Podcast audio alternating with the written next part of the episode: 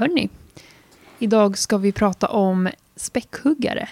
Eh, det, är, eh, det ska bli så spännande. Och du är ju våran späckhuggare-fantast. Ja, det är jag. Så det ska bli väldigt spännande att få höra på vad du har att säga Mm. om de små varelserna, eller ja, stora varelserna. De är ganska stora. Ja, jag kan ungefär noll så det ska bli jätteintressant att hänga med. lyssna. Mm. För de är ju ändå utsatta djur i våran värld. De hålls ju ofta på olika djurparker för att delta i shower och sådär. Och det är ju jätteviktigt att, som vi ändå har varit inne på i djurparksavsnittet då kanske framför allt, att förstå hur de fungerar i det vilda. För att Ja, då kunna konstatera att de kanske inte ska vara i fångenskap. ja, men precis. Jag tänker i och med att vi ändå ganska nyligen hade ett avsnitt om just djurparker och så, så kommer vi, kommer prata en del om det, men jag tänker att vi också kommer prata bara om lite hur späckhuggare funkar eh, och hur deras liv ser ut i det vilda också. Mm. Spännande. Idag i studion är vi Linan. Mange? Hasse, Moa, nu kör vi!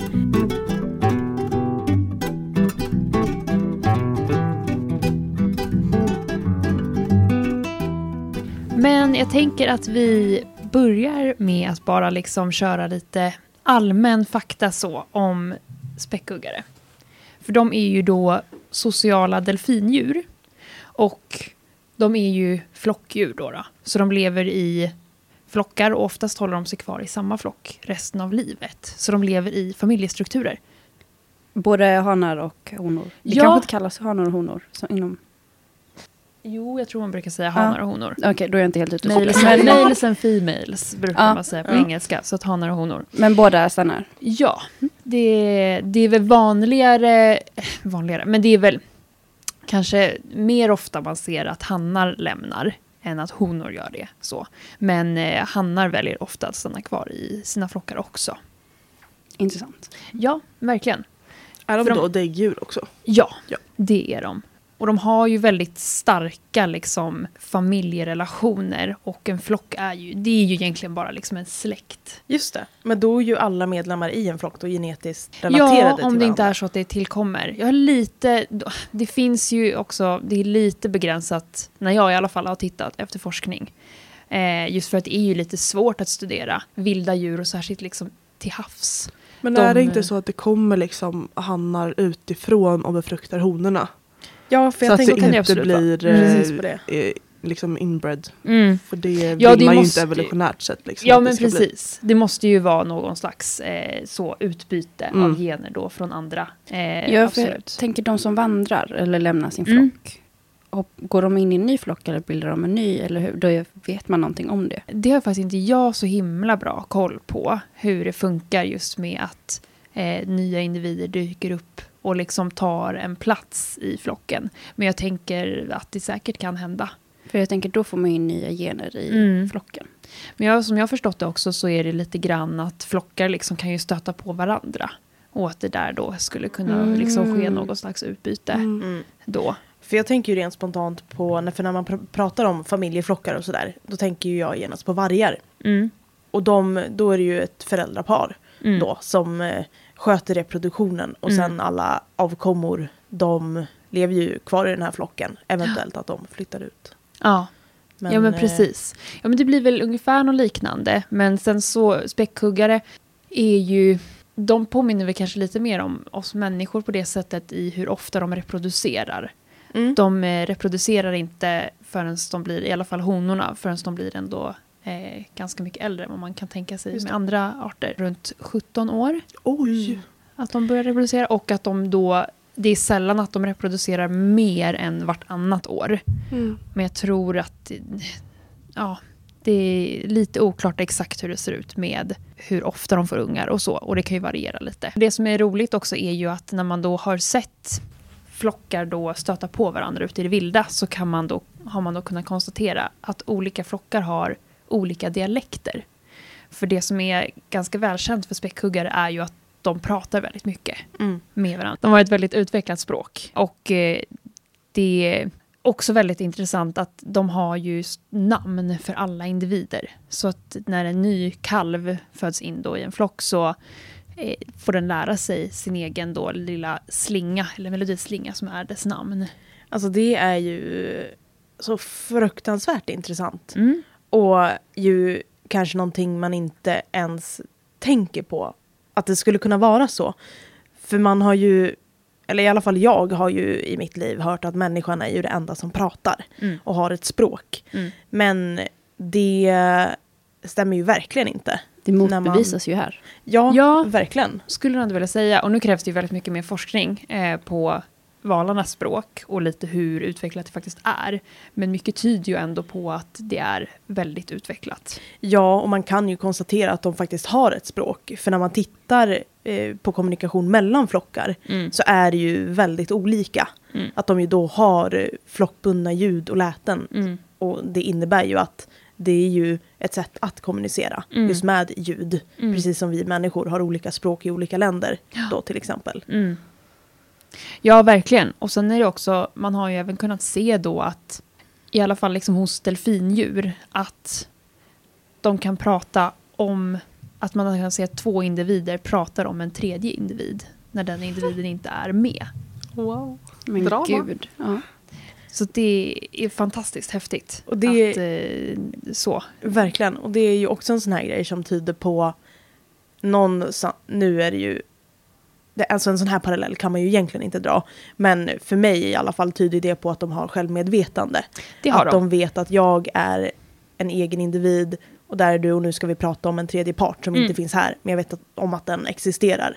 Man har gjort flera självmedvetande test på späckhuggare och de har klarat allihopa. Mm. Bland annat spegeltestet. Såklart. som vi har pratat om tidigare om jag inte minns fel, där man eh, markerar med ja, men typ en penna på Mm. djuret och sen presenterar en spegel. Och självmedvetandetestet går ju då ut på att de ska förstå att den här pricken som de då ska kunna se på sig själva, att de förstår att den sitter, att det är på dem själva. Mm. Och då testar man att se hur mycket de då tittar i spegeln och inspekterar jämfört med om de inte hade pricken.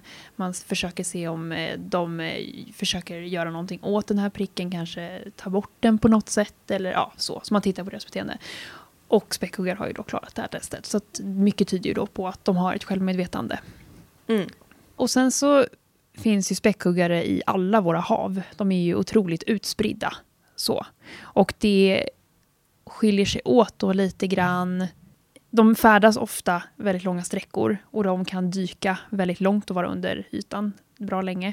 Och vissa grupper är då lite mer stationära. Att de håller sig inom ett visst område, ofta då nära kuster och liknande. Och sen finns det då även nomader som rör sig längre sträckor och rör sig över större områden.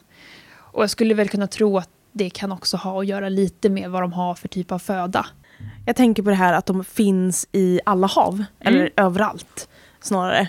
Det är ju också ett tecken på, återigen, nu ska man inte slänga sig med begreppet intelligens, Mm.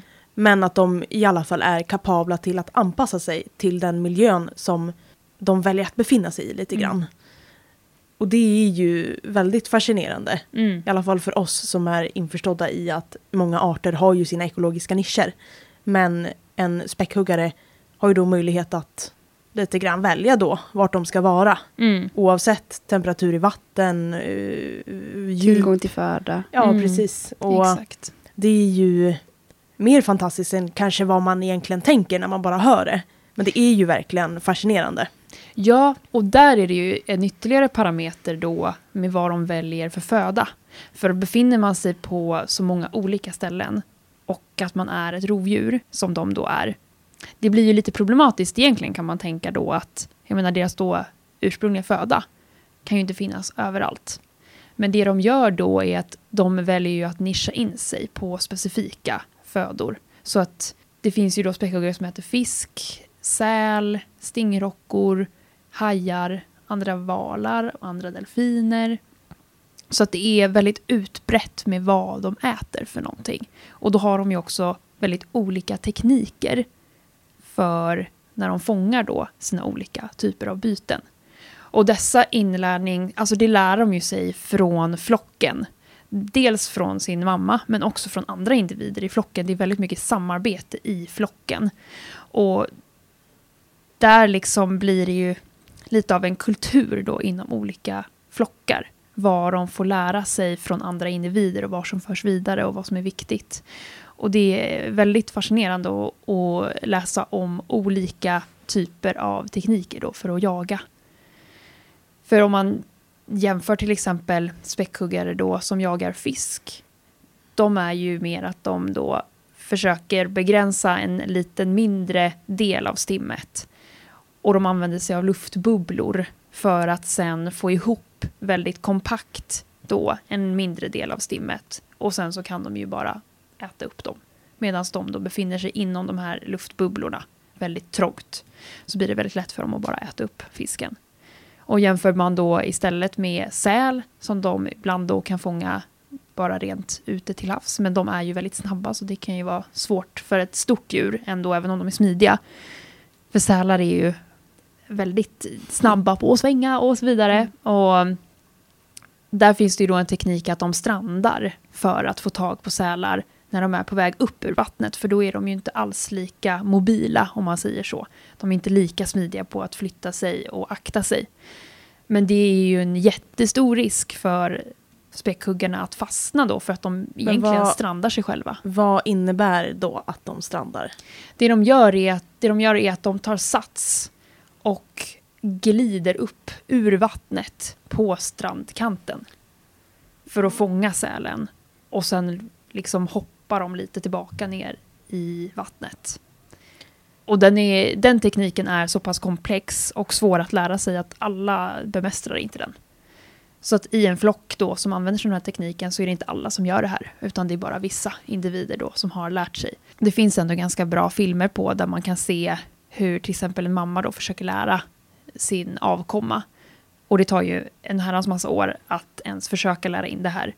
Och att man märker att de är ändå väldigt medvetna om risken att fastna. Det är ju obehagligt för dem att stranda för det är väldigt onaturligt. Och de Mm. vet att det är för mer risker. Alltså det där är ju också en helt otrolig grej. Mm. För man pratar ju ofta om, det har ju varit mycket diskussioner kring det här och delfiner. För att det var ju, eller det släpptes en dokumentär om delfiner på djurpark då. Och huruvida de är medvetna om vad döden innebär. Mm. Och idag så är Alltså det vedertagna är ju att inget djur är medveten om att livet kan ta slut. Men lite grann när man tänker på just den här typen av eh, teknik att jaga och att man försöker lära, eller mammor försöker lära sina ungar att utföra det här. Men då försöker konstatera då, om det inte funkar, att det är för svårt. Och då någonstans måste ju jag ändå dra en slutsats, bara utifrån mig själv då nu återigen, att de ju faktiskt, att det är möjligt att de har medvetenhet kring vad död innebär Mm. och att livet kan ta slut. Ja, och där vill jag även koppla in lite sorg. För sorg över döda individer kan jag också tycka borde kunna kopplas ihop också med en medvetenhet om döden. Mm. För det har man ju kunnat se, till exempel elefanter kan ju stå och sörja väldigt länge över eh, individer som har dött. De kan ju även komma tillbaka till den här platsen. Det finns ju filmer på där de står och håller i skelettdelar långt efter då att en individ har dött. Och att de står där en lång tid. Eh, Just som ett elefanter, sorg, sorgbeteende. precis, Liksom. just elefanter har ju inte en ritual vill jag väl säga, men de har ju specifika beteenden som de utför när det kommer till en flockmedlem som ju faktiskt har dött. Mm. Och de här beteendena ser man ju inte i några andra sammanhang än just då. Mm. Och det är ju också ett tecken på att de lite förstår vad det är som har hänt. Mm. Men alltså jag skulle säga att de flesta djur ändå liksom förstår. Alltså någonstans måste man ju ändå också ta in det här med att saker och ting kan vara typ läskigt. Alltså det är ju också en mekanism för att undvika någonting som skulle kunna göra en skada som skulle kunna leda till att man dör. Mm. Och jag tänker bara på det här med aggressivitet i det vilda. Då gör man ju alltid en sån här cost-benefit analys för att man skulle kunna bli skadad vilket kan leda till död. Alltså jag känner att Mm. Mm. jag tror ändå att det sitter ihop. Mm. Alltså verkligen.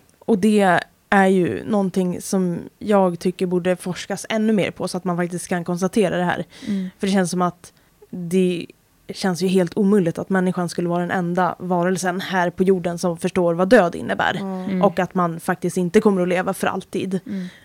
Och ja, nej, jag tänker precis som du Mm. Hasse, att det är ju klart att de måste förstå Ja. det. Men tyvärr så är ju det vedertagna idag att djur förstår ju inte det. Mm. Och det är ju tråkigt kan jag tycka. Att, det, att man tänker så om djur. Mm. Utan Mm. att egentligen vara helt säker på det. Mm. Utan det är ju bara någonting man eh, Mm. yttrar sig om. Verkligen.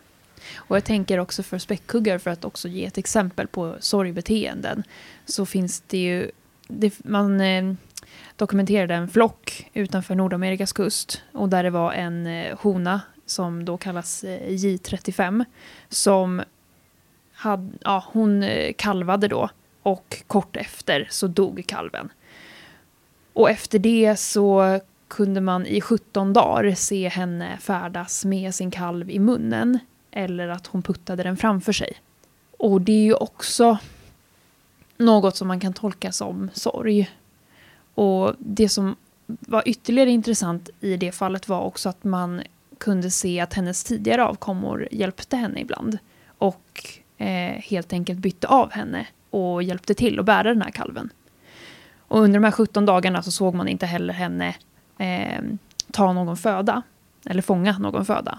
Så man tror också att flocken fångade föda åt henne. Under denna tid. Mm. Och det är ju otroligt häftigt att se det samarbetet och att man hjälps åt. Och det tyder ju ännu mer på då de här starka familjestrukturerna, att man bryr sig om varandra. För att jag menar i en flock som samarbetar så mycket och har så mycket kontakt med varandra som de har, det är ju viktigt att man känner för varandra och att man, det blir ju ett bättre samspel om man känner för varandra och bryr sig om varandra. Och ja, jag tycker att det blir väldigt tydligt med späckhuggare Mm. i flockar. Verkligen. Och här kommer man ju verkligen in på känslor. Mm och lite den evolutionära mekanismen som ligger bakom just känslor. För det finns hos alla djur och det är ju konstaterat givetvis så. Men just i, hos sociala arter så är ju känslolivet väldigt, väldigt utvecklat. Och de här känslorna som vi känner, sorg, ilska, lycka och alla de där, det går ju att hitta hos andra arter. Och skam och de känslorna som man tycker är komplexa. Och vi kommer ju kanske dedikera ett helt avsnitt till just känslor. Men det jag ville komma till det, är, det var ju att det finns ju alltid en evolutionär mekanism och det gynnar sig ju att kunna känna känslor Mm. för att kunna leva sitt liv och undvika faror och hit och dit och fram och tillbaka. Så känslorna en späckhuggare känner är ju precis lika verkliga som känslorna vi känner. Mm. För de går inte på instinkt Nej. mer än vad det gör för oss. Nej. Så sensationen, alltså sensation då, den är ju väldigt lik som för oss människor. Ja, och jag tycker att det är en sån intressant aspekt också det med när man pratar om känslor och att man så ofta går till att utgå från att det bara är människor som känner känslor. Men jag tycker att det känns helt orimligt att man tänker så. Mm. För vi som människor är ju en otroligt ny art. Om man tittar rent evolutionärt bakåt i tiden. Alltså vi har inte funnits länge. Och jämför man med många andra arter så har ju de funnits betydligt mycket längre och haft mycket mer tid på sig att evolvera. Och det har vi pratat om förut, det här med liksom tiden att evolvera och vad det kan innebära. Men jag tycker att det känns helt vansinnigt att då tänka att det är bara vi människor som känner känslor Mm. när vi har funnits så kort och andra arter har funnits så länge. Och hur viktigt det är för överlevnad. För Mm. det är ju lite det det hänger på. Överlevnad. Det är liksom de som överlever bäst. Det är ju de som har då tid och möjlighet att reproducera på ett annat sätt. Och det är de som förs vidare. Så det, ja, jag tycker att det känns så himla konstigt att tänka att eh, andra arter än vi människor inte känner känslor. För det Mm. kan liksom inte stämma. Nej, det är ju helt omöjligt att det skulle stämma. Jag tänker att det, alltså, det ligger ju i det naturalistiska felslutet som ju infann sig under den tiden då man ville renodla människans gener och sådär. Och det, mm, ja, Mm. Det funkar inte så. Nej. Man kan inte som människa själv, eller som mänsklighet, som population själv bestämma vilka gener som ska föras vidare. För vi har ingen aning. Alltså vi kan inte, även fast vi tänker att ja, men nu ska vi bara ha de här generna i populationen. Det går inte. Och i den vevan, under den perioden, det känns ju som att det var då man började se annorlunda på djur. För att djuren har ju funnits väldigt tätt med oss människor. Och framförallt hunden då.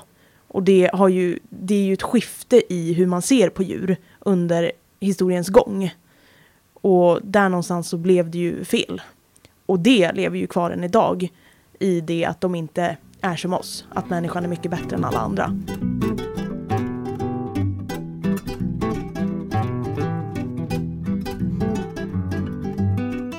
Men när vi väl är inne på det här att de har haft så mycket tid att evolvera. Mm. Du, Mange, kan ju mycket om deras hjärnor också.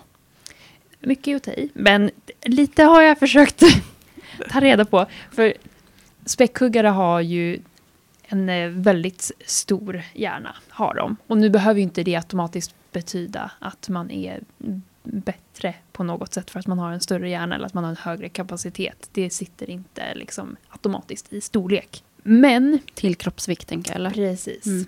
Och det, där vill jag återigen flika in en sak. Då var det jag som tog över det här avsnittet nu.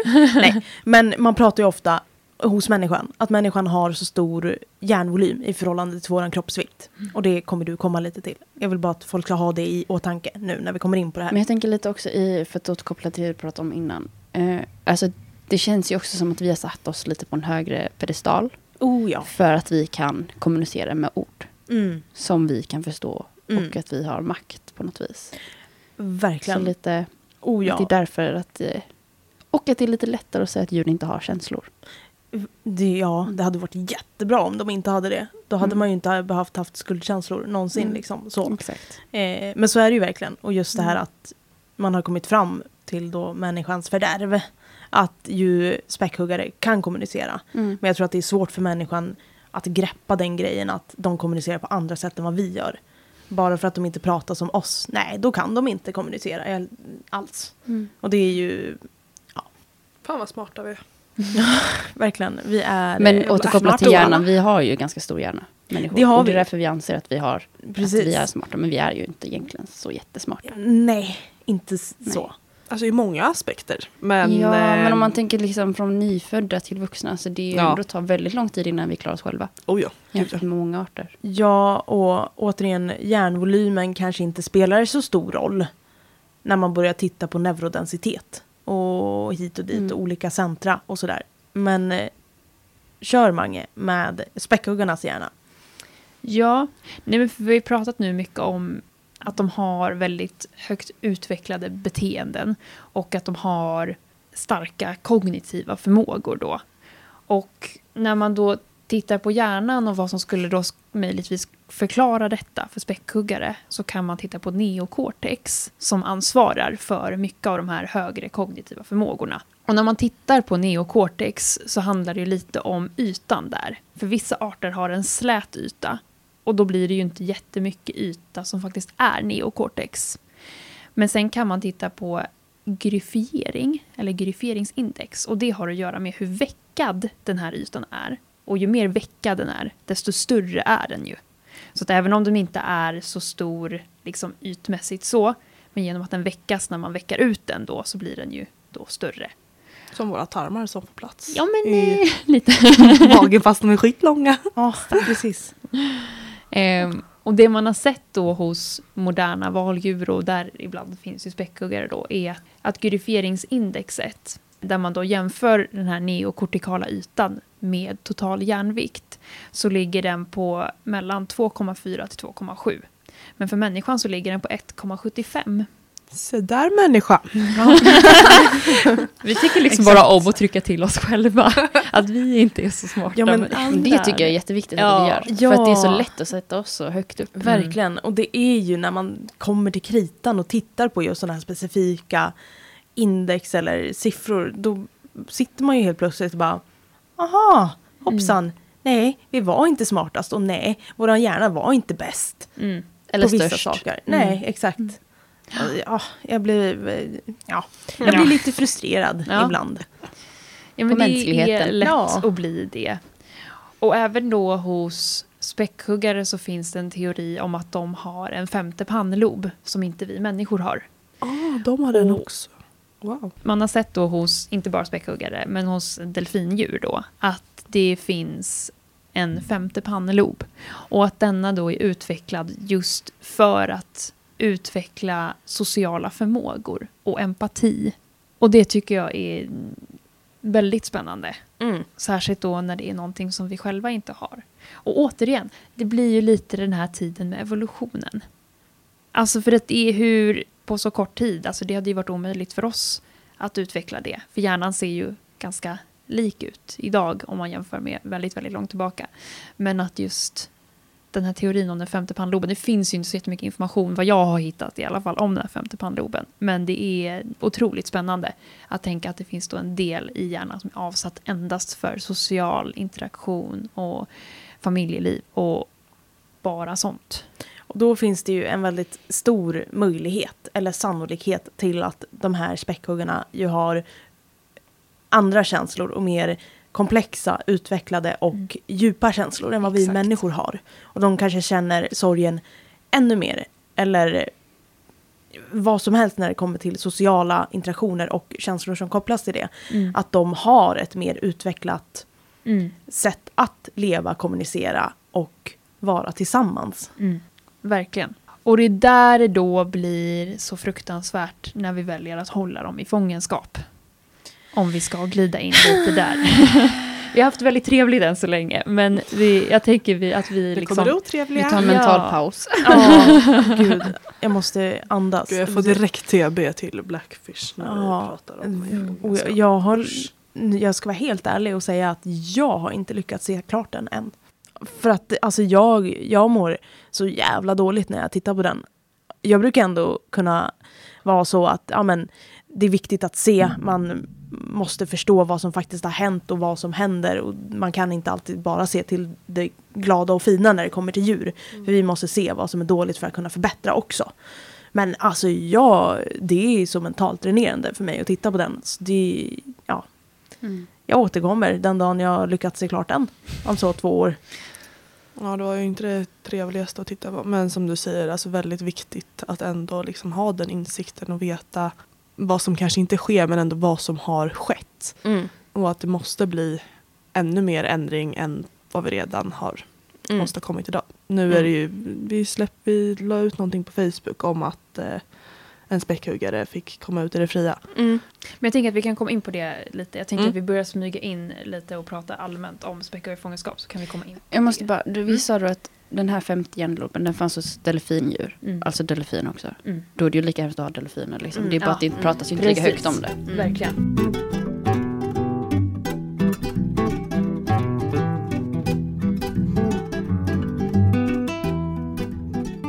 Men späckhuggare då i fångenskap är ju ja, problematiskt och eh, mycket, mycket sorgligt. För de som har, det pratade vi ju lite om i avsnittet där vi pratade om djurparker, att för att djur ska kunna hamna där så måste de ju fångas in från det vilda. Mm. Och det är ju exakt samma här då. Det, man har ju då tagit unga individer från flockar i det vilda. Så man har vallat in dem och tagit ungarna helt enkelt. Och det är väl väldigt vanligt att man för generellt sett på vanliga djurparker med landlevande djur så fångar man begynnelsen till djurparker är ju att alla djur kommer från det vilda. Men att man sen avlar på dem i fångenskap. Exakt. Så. Men just när det kommer till späckhuggare, då fortsätter man ju ta in vilda individer. Även fast man skulle då kunna avla. Du kommer ju säkert komma in på varför det är problematiskt. Eller att man Ja. inte kan avla på dem i fångenskap. Jo, man kan absolut avla på Ja. dem i fångenskap. Det är, det är väldigt utbrett, utbredda avelsprogram som pågår. Men det fångas fortfarande in från det vilda. Men Det är inte- mycket mer Problematiken ligger väl ovanligt. i mortaliteten, att de inte överlever. Exakt. Och Men det som är... In... Då är det ju någonting som är fel. Ja, Alltså, för det, Varningstecken, varningstecken. Men det som jag tycker är intressant är lite grann det här att i en, i en kurs vi läste för inte så länge sedan så tittade vi lite på, jag tror att det var stereotypier hos en apart. Och man kunde se att de apor som var vilt infångade klarade sig lite bättre när man tittar på stressnivåer och liknande jämfört med de som var uppfödda i fångenskap. Och när, vi, när man tittar lite grann på späckhuggare så skulle jag säga att oavsett om de fångas in från det vilda eller föds upp i fångenskap, de klarar sig väldigt dåligt oavsett. De mår väldigt, väldigt dåligt. Så att där finns det liksom ingen skillnad. Så att oavsett lite grann hur vi gör så blir det, verkar det inte bli något bra för späckhuggare i fångenskap. Nej, för det var ju, jag d- d- tänkte bara koppla tillbaka till det jag sa. Att det, alltså det är klart att man kan avla på eh, späckhuggare i fångenskap. Men jag har ändå fått för mig att de som föds då Mm. I fångenskap ofta blir, får utveckla fler beteendestörningar eller att de inte klarar av att hantera sin miljö. Och det kanske mer ligger i att de skiljs från sin mamma i väldigt tidig ålder och inte lär sig hur de ska hantera sin miljö. Mm. Men att det ofta, de viltfångade späckhuggarna klarar sig ofta lite bättre, vad jag har förstått, när man Mm. fångar in dem, än de Mm. som föds i fångenskap Mm. och sen ska försöka leva. Det känns Mm. som att mortaliteten är i en yngre ålder hos de som föds i fångenskap. Ja, alltså det, är, det finns inte jättebra data på hur, hur det skiljer sig åt om man jämför de som är uppfödda i fångenskap och de som är tagna från det vilda. Men det jag skulle säga är den största problematiken för de som föds in i fångenskap, det är ju att de föds direkt in i dysfunktionella grupper. Mm. För i fångenskap så har man ju kunnat se då mycket problematiska beteenden. Man kan se stereotypier, man kan se självskadebeteenden, eh, späckhuggare som vanligtvis inte uppvisar, de uppvisar aggression i det vilda, men det brukar sällan resultera i några skador på något sätt. Men i fångenskap så är det väldigt vanligt. Man kan se aggression mellan individer som kan leda till ganska stora skador och det har även skett dödsfall då på grund av aggression mellan späckhuggare i fångenskap. Och att detta gör att de ibland behöver då säras på så att många lever isolerat från andra späckhuggare. Eh, och Vad bra, ja, vilken lösning på problemet. mm, Det känns som att det är vår lösning på allt. Ja. Med alla Mm. djur. Mm. Ja. Att bara Isolera dela upp dem och isolera dem. Ja, och med hästar mm. är det ganska vanligt. Väldigt Bara vanligt. flika in det. Ja. Måste börja ta med andningspåse. Ha- nej, Fan, vi skulle haft med ja, det. Du glömde din andningspåse. Mm. Ja. Alltså Men jag- människan, vi är inte så smarta. Nej men det är ju det jävla ärtor. Vi- Jo, vi är smarta för oss själva. Ja, men att vi löser men våra är egna vi- problem. ja, är vi bara för ens att vi det? liksom, nej, det Nej, går ju att diskutera också. Men Ja. vi löser ju problem för att Så det ska det funka för stunden. Ja. Mm. Inte långsiktigt. Det skiter vi typ. Ja, ja, det- ja, verkligen så. Mm. Vi är intelligenta i vår egen situation just nu, men vi har ingen förmåga att tänka lite längre framåt än eh, typ så Vad näsan en räcker. minut. Ja. Alltså, Mm. vi skulle ju verkligen behöva den här femte hjärnloben. Kanske vi får lite empati för saker och Ja, ting. kanske Snälla då. säga. Mm, lite mer empati. Ja. Nej, men för det, det man kan tänka då är ju att de som tas från det vilda, att de ändå har vuxit upp under några år i att ha lära sig hur, hur späckhuggare fungerar och hur man behandlar andra individer och alltihopa. Men de som föds i fångenskap, de hamnar ju i dysfunktionella grupper från start. Man har sett att många kalvar också behövt separeras från sin mamma ganska tidigt. I vissa fall har man separerat kalven från mamman utan några uppenbara så, antydningar på varför det skulle behövas. Och det har vi pratat om, moderlig deprivation. Mm. Att det kan vara väldigt problematiskt och det kan man ju se då hos späckhuggare också. Så att där blir det ju, när man då föds in i en dysfunktionell grupp, då skapar ju det otroligt stora problem. Så är det ju verkligen. Och du nämnde ju självskadebeteende Ja. innan. Och alltså, vi som pluggar det vi gör eh, till djurpsykologer och vidare till etologer då. Vi är ju medvetna om att det här är väldigt vanligt i djurvärlden också med självskadebeteende och hos människor. Men nu tänker väl jag kanske inte att du har en specifik definition. Men jag tror att det är så vanligt att folk inte tänker att djur kan ha självskadebeteenden.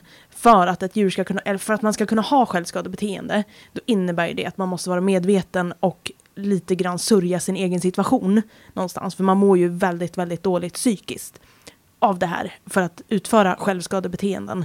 Och om man tittar på människan och då människor som utför eller ja, utför självskadebeteenden. Vi vill ju hjälpa dem för att de mår så pass dåligt. Men att det här får fortgå hos andra arter då i fångenskap utan att vi tänker att de djuren skulle känna eller må lika dåligt som oss. Det är också liksom någonstans ett felslut Mm. som bara är Ja, alltså hur kommer det sig att vi tänker att deras självskadebeteende eller de känslorna som är kopplade till det inte skulle vara lika intensiva som människans?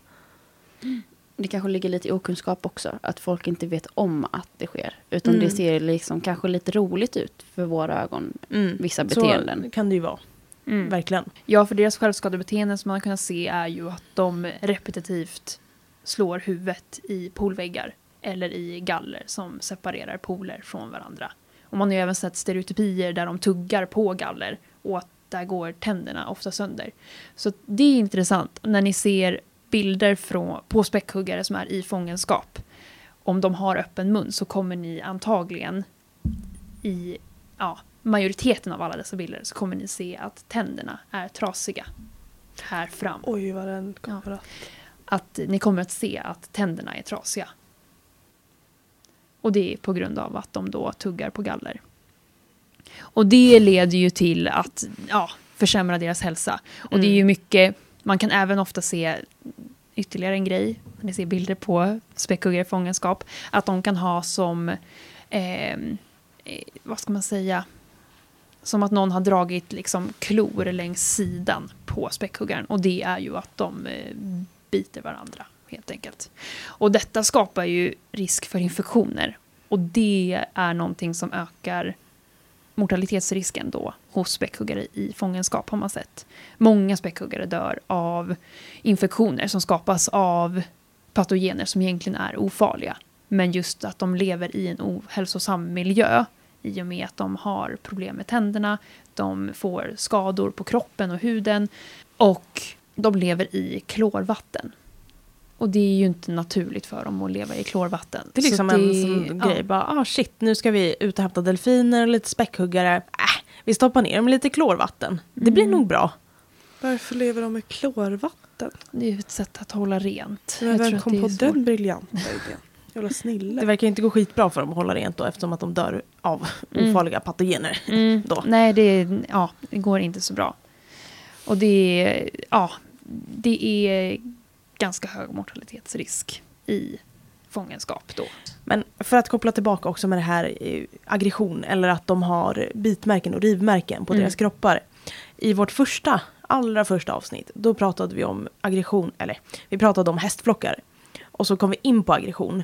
Att ett sånt beteende inom en grupp av sociala individer är väldigt, väldigt ovanligt. Och det beror ju på att det inte är funktionellt i det vilda. Att det finns aggression inom flocken.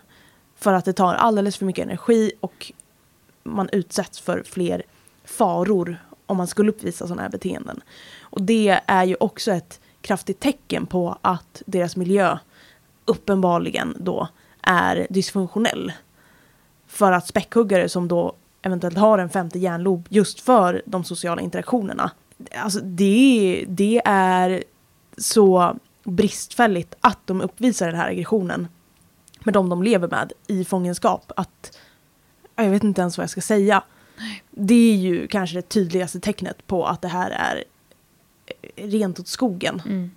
Ja, och jag tänkte också lite på det här med att man brukar ju också säga att eh, just späckhuggare är ju ett sånt djur som man tränar väldigt mycket i olika konster och att det är ju ändå ett sätt att berika dem så att de får lära sig saker.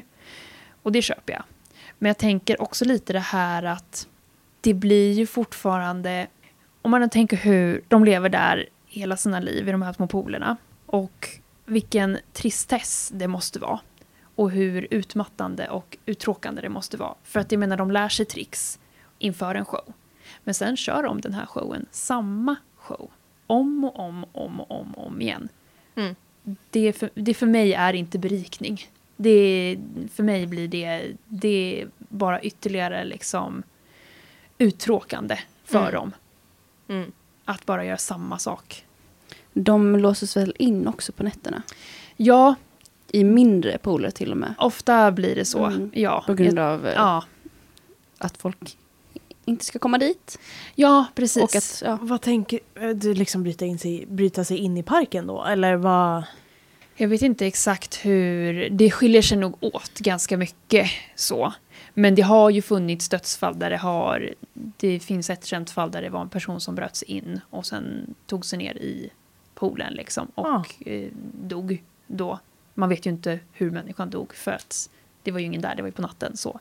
Men eh, det verkar som att eh, späckhuggarna hade haft något att göra med det. Och det är ju också en grej då att de har ju haft ihjäl tränare eh, vid upprepade tillfällen och attackerat tränare och så vidare. Vilket i det vilda så finns det inte ett enda känt dokumenterat fall där späckhuggare ens har attackerat en människa. Nej, för det är helt omöjligt att göra det. För, Mm. Återigen, det tar för mycket energi Mm. att attackera en människa Mm. i det vilda. Det finns inget syfte med att göra det. Men de vet att det inte är min föda. Så att det, Exakt, ja, alltså det, finns, inget nej. syfte. Och det är också ett tecken på att det är en dysfunktionell miljö i Mm. fångenskap. Men vill ändå hoppa tillbaka lite till det du sa Moa om att de ofta stängs in. För det blir ju ofta den här när man har individer då som bråkar. De har ju kanske inte jättemycket utrymme att de ska få då separata egna utrymmen med mycket plats. Och då är det ju lätt då att individer som då är bråkiga som kanske skadar andra. De stängs ju då in ofta i väldigt små pooler för att det är det de måste göra. Och där blir det ju att de bara ligger stilla i vattnet och är ju- bara väntar ut tiden. det är ju jättebra att man sätter just de individerna i mindre utrymmen för att Mm. de mår ju säkert tipptopp av det Ja. också. Liksom. Ah, Ja. mm. Det är ju inte så att man räddar problemet, Mm. utan man gör ju problemet större. Mm. Det låter som våra hästar. Återigen. Mm. Hästar som är aggressiva, de får gå i mindre hagar ensamma Mm. och stå på box. Mm. Vi löser problemen för stunden. Jajamän. Alltså vi är så dumma. så jävla korkade alltså. Hasses konklusion efter den här, det här Ja. avsnittet. Människor är det dummaste som Andningspåse och människor är dumma. Ja, det håller jag med om. Fler andningspåsar till folket och Mindre makt till folket. ja, mindre makt och fler andningspåsar. Just det.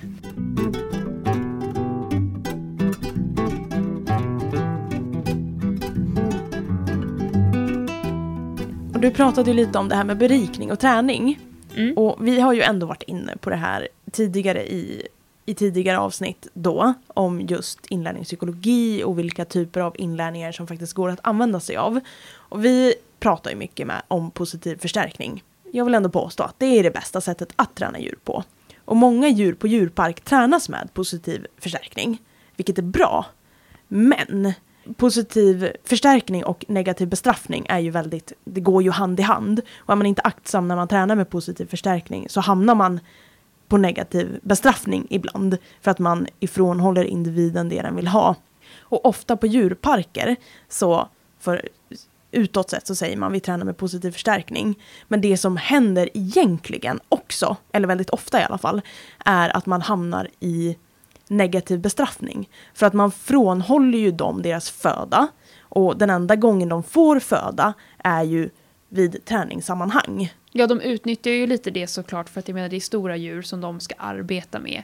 Och nu ska man ju inte dra alla över en kam, det kanske skiljer sig åt mellan djurparker. Men jag skulle ändå vilja säga att i många djurparker där man håller späckhuggare, om vi nu bara pratar om späckhuggare, så tror jag absolut att de frånhålls mat mycket. För att de ska kunna träna med dem.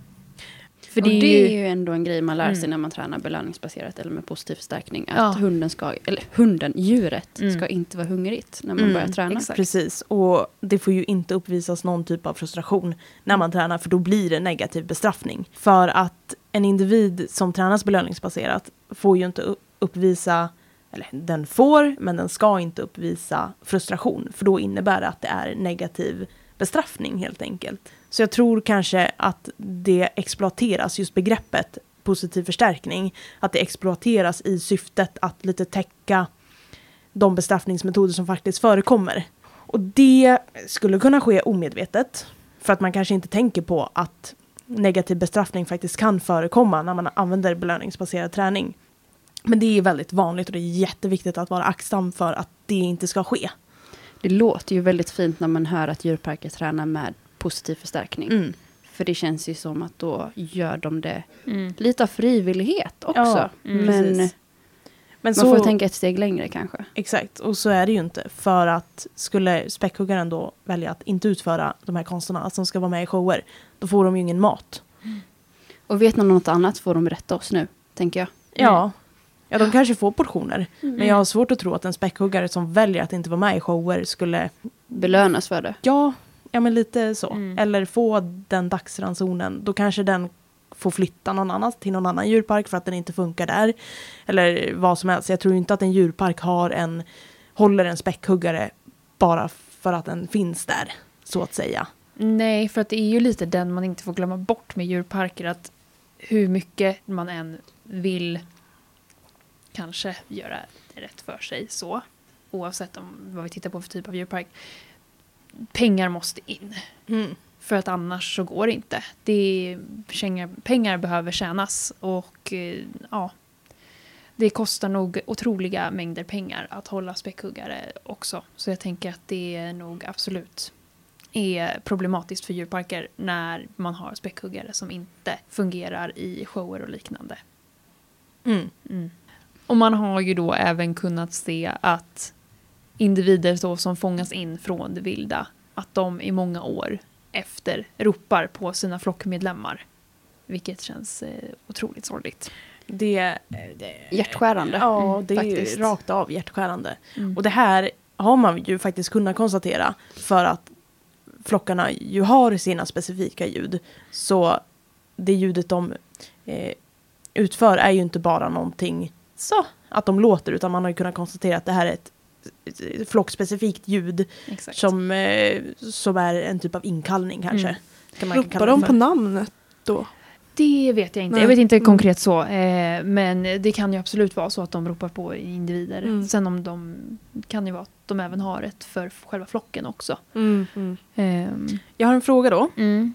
För vi har ju ändå pratat om eh, sorg och att de verkar förstå när individer dör.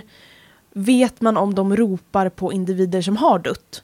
Eller är det bara på individer som de vet bara har förts bort av människan? För späckhuggare är ju väl medvetna om när man tar Mm. individer från det vilda. För flocken stannar ju kvar vid den individen under liksom hela processen då Mm. mer eller mindre tills späckhuggaren som är intressant för djurparker är borta. Mm. Även efteråt väl? Ja. Ett tag Mm. i alla fall. Mm. Eh, jag vet faktiskt inte hur det funkar med döda individer, om de ropar efter döda individer. Det vet jag faktiskt inte. Men just vid separation har man ju kunnat se att de ropar. För det stärker ju också det här att de förstår vad död innebär. Mm. Att det finns ingen att ropa på. Mm. Utan de sörjer det faktum att den här individen inte längre finns i livet då. Mm. Men att de ropar på individer som förs bort Mm. innebär ju att de förstår hela, Mm. De förstår vad som faktiskt händer. Mm. Och det är ju lite sådana här grejer man ju faktiskt börjar tänka på när man sätter sig in i späckhuggares beteende och hur de fungerar. Mm. Att de har en otrolig förståelse för vad som händer. Mm.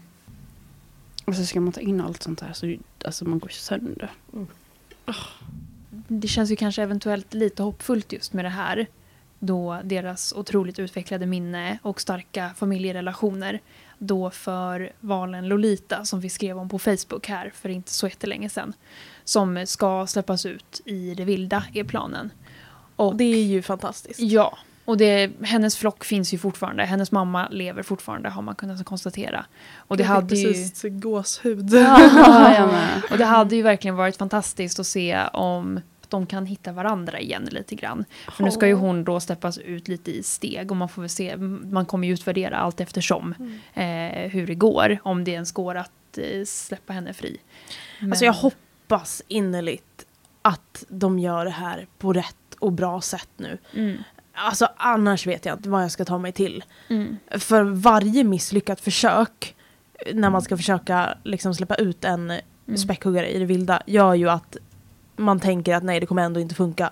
Men anledningen till att det inte funkar är ju för att man gör på fel sätt. Mm. Eller det är inte ta klart- tiden till. För jag Ja, tänker att det är ingen exakt. process som går över på en vecka. Liksom, eller Nej. löser sig på en vecka. Verkligen. Och jag tänker att ibland kan det säkert vara årslånga processer med späckhuggare. Och jag hoppas verkligen att de Mm. lyckas och att de gör det på rätt och bra sätt. mm.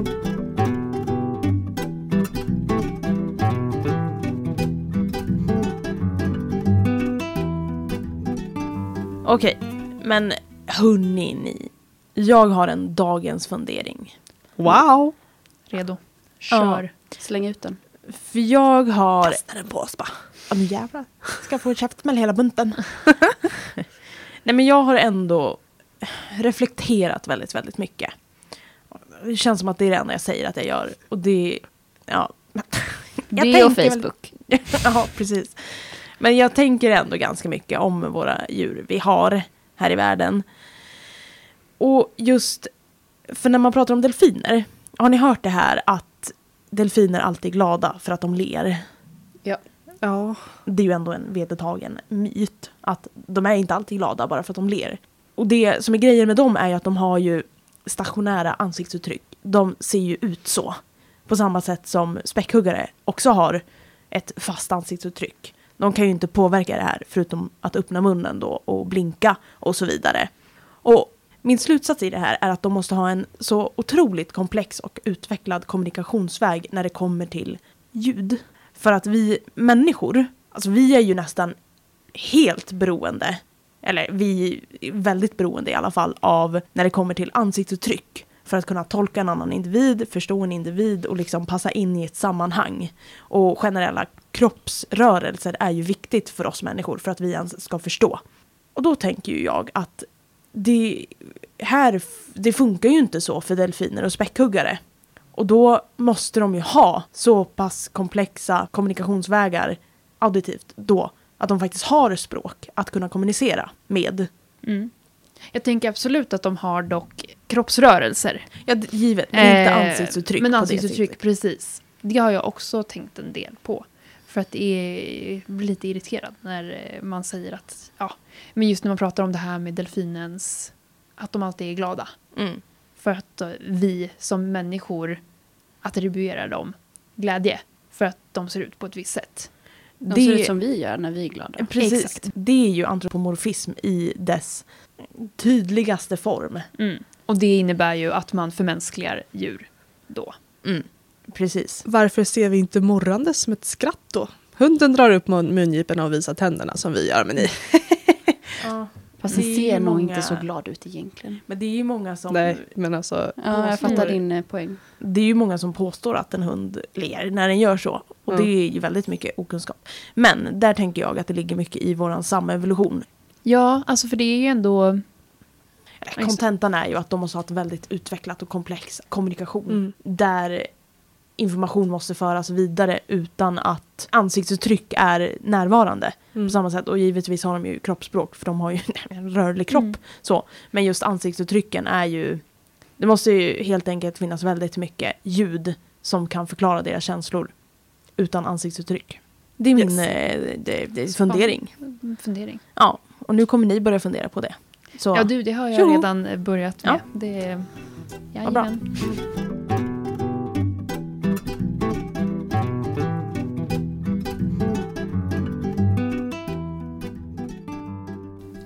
Vi knyta ihop säcken?